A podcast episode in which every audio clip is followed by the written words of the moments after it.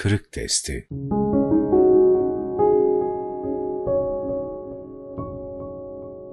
İslam fıkhının tenkihine dair birkaç söz. Soru. Son 3-4 asırdan beri fıkıhta yaşanan durgunluğun aşılabilmesi adına bu alanda ne tür çalışmalar yapılmasını tavsiye edersiniz? Cevap. Öncelikle konuyla ilgili bir hususun hatırlatılmasında fayda var. Fıkıh ilmi, Kur'an'ın ve İslam düşüncesinin bir mucizesidir. İslam hukukçuları, ciddi bir emek mahsulü olarak ortaya koydukları hükümlerle detayına kadar hayatı disipline etmiş, hayatın hiçbir yerinde boşluk bırakmamışlardır. İbadetlerden alışveriş ahkamına, mirastan nafakaya, evlilikten boşanmaya, ceza hukukundan borçlar hukukuna kadar her konuda görüş beyan etmiş, çözüm sunmuş ve bunları sistematik hale getirmişlerdir. Hukuk ilminde ihtisas sahibi olan birçok doğulu ve batılı araştırmacı da İslam fıkhıyla ilgili takdirlerini dile getirmiştir.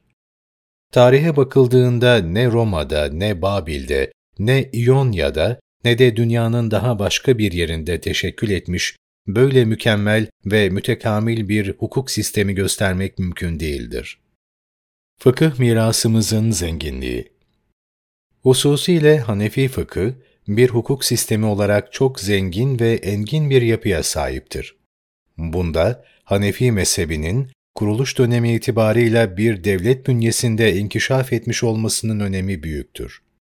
Zira bilindiği üzere Hanefilik, devletten bağımsız, sivil bir hareket olarak ortaya çıkmış, daha sonra Abbasi Devleti'nin resmi mezhebi kabul edilmiş, İmam Ebu Hanife'nin önde gelen talebesi İmam Ebu Yusuf da kadıl kudatlık yapmıştır. Bu açıdan Hanefi hukukçuları, devlet yönetiminden sosyal hayatta karşılaşılan en küçük meselelere kadar birçok konuda Kur'an ve sünnetten hareketle fıkhi çözümler üretebilmişlerdir. Hanefi fakihleri yaşadıkları dönemde ortaya çıkan hukuki olaylara çözümler üretmekle yetinmemiş, bunların yanı sıra gelecekte ortaya çıkması muhtemel bir kısım hadiseler hakkında da beyin fırtınaları yapmış, içtihatlar ortaya koymuşlardır.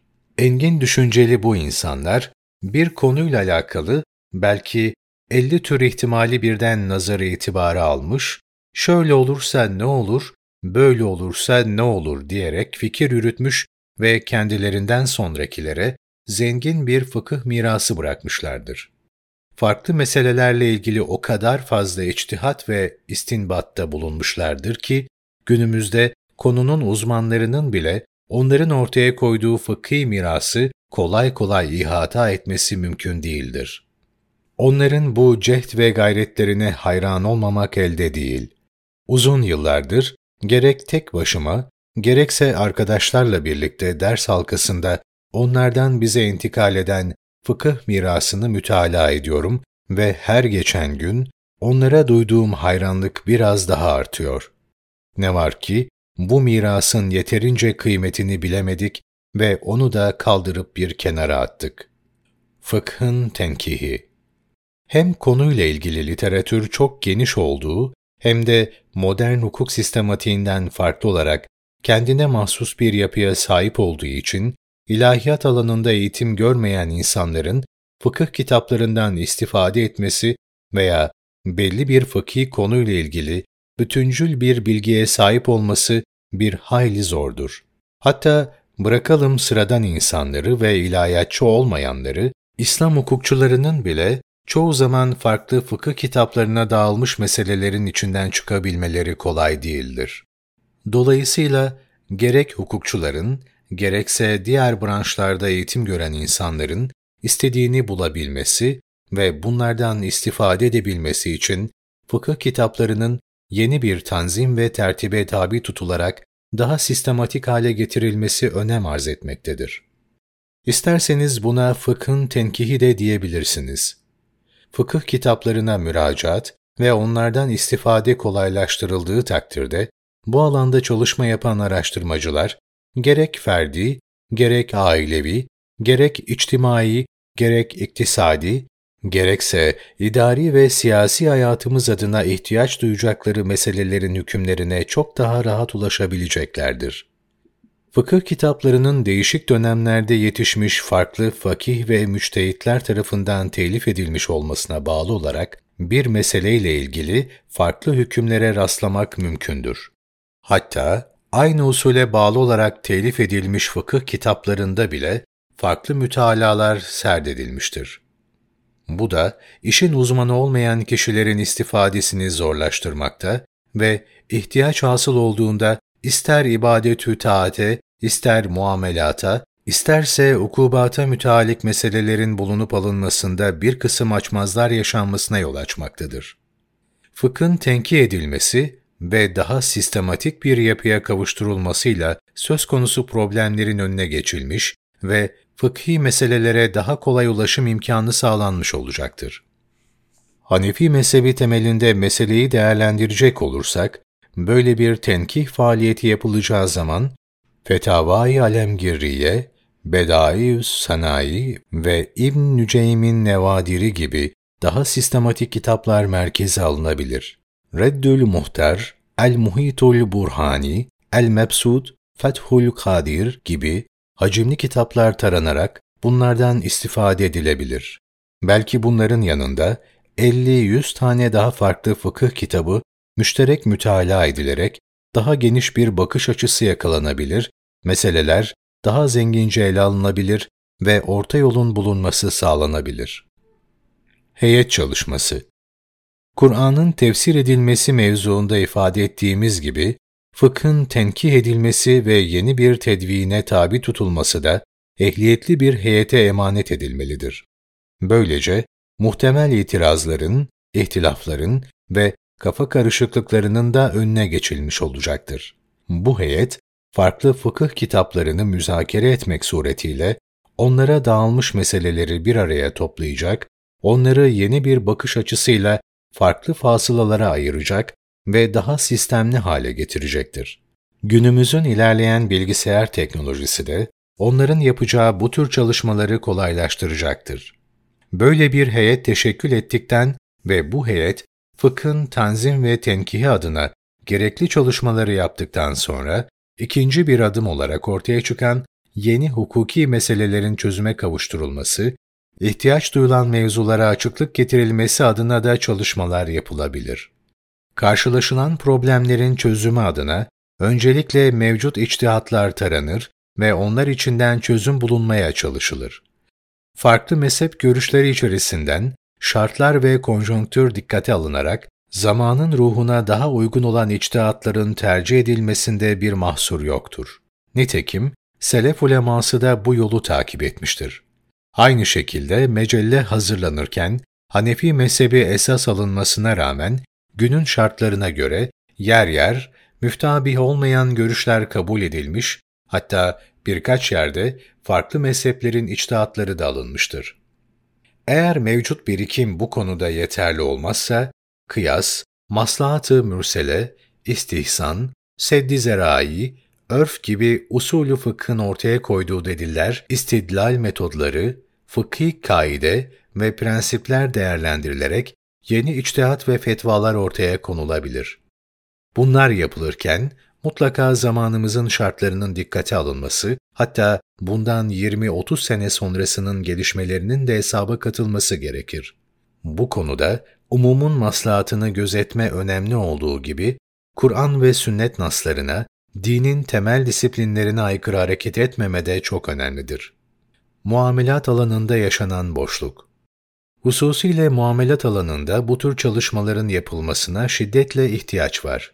Çünkü ibadetü taatle ilgili meseleler hem daha sabittir hem de bugüne kadar yeterince işlenmiştir.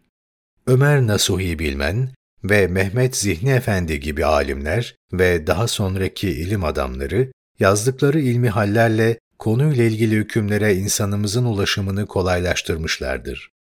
Muamelat mevzuları ise buna göre daha dağınık ve değişkendir. Dağınık olan meselelerin bir araya getirilmesi, değişen veya yeni ortaya çıkan hukuki meselelerin zamanın yorumuna göre yeniden ele alınması gerekir. Mesela günümüzde teknik ve teknolojinin de gelişmesiyle birlikte yeni yeni muamele çeşitleri ortaya çıkmış, ticari işlemlerde değişiklikler olmuş, farklı milletlerden ve dinlerden insanlarla uluslararası ortaklıklar kurulmaya başlanmıştır. Bütün bunlar da fıkıh alanında birçok yeni durum ortaya çıkarmıştır. Bunlar gibi vuzuha kavuşturulması gereken pek çok mesele vardır. Maalesef soruda da ifade edildiği gibi asırlardan beridir fıkıh alanında bir durağanlık yaşanmaktadır. Dini yeterince önemseyemediğimizden bir yere kadar getirilen fıkıh mirasımızı koruyamamış, geliştirememiş ve devam ettirememişiz.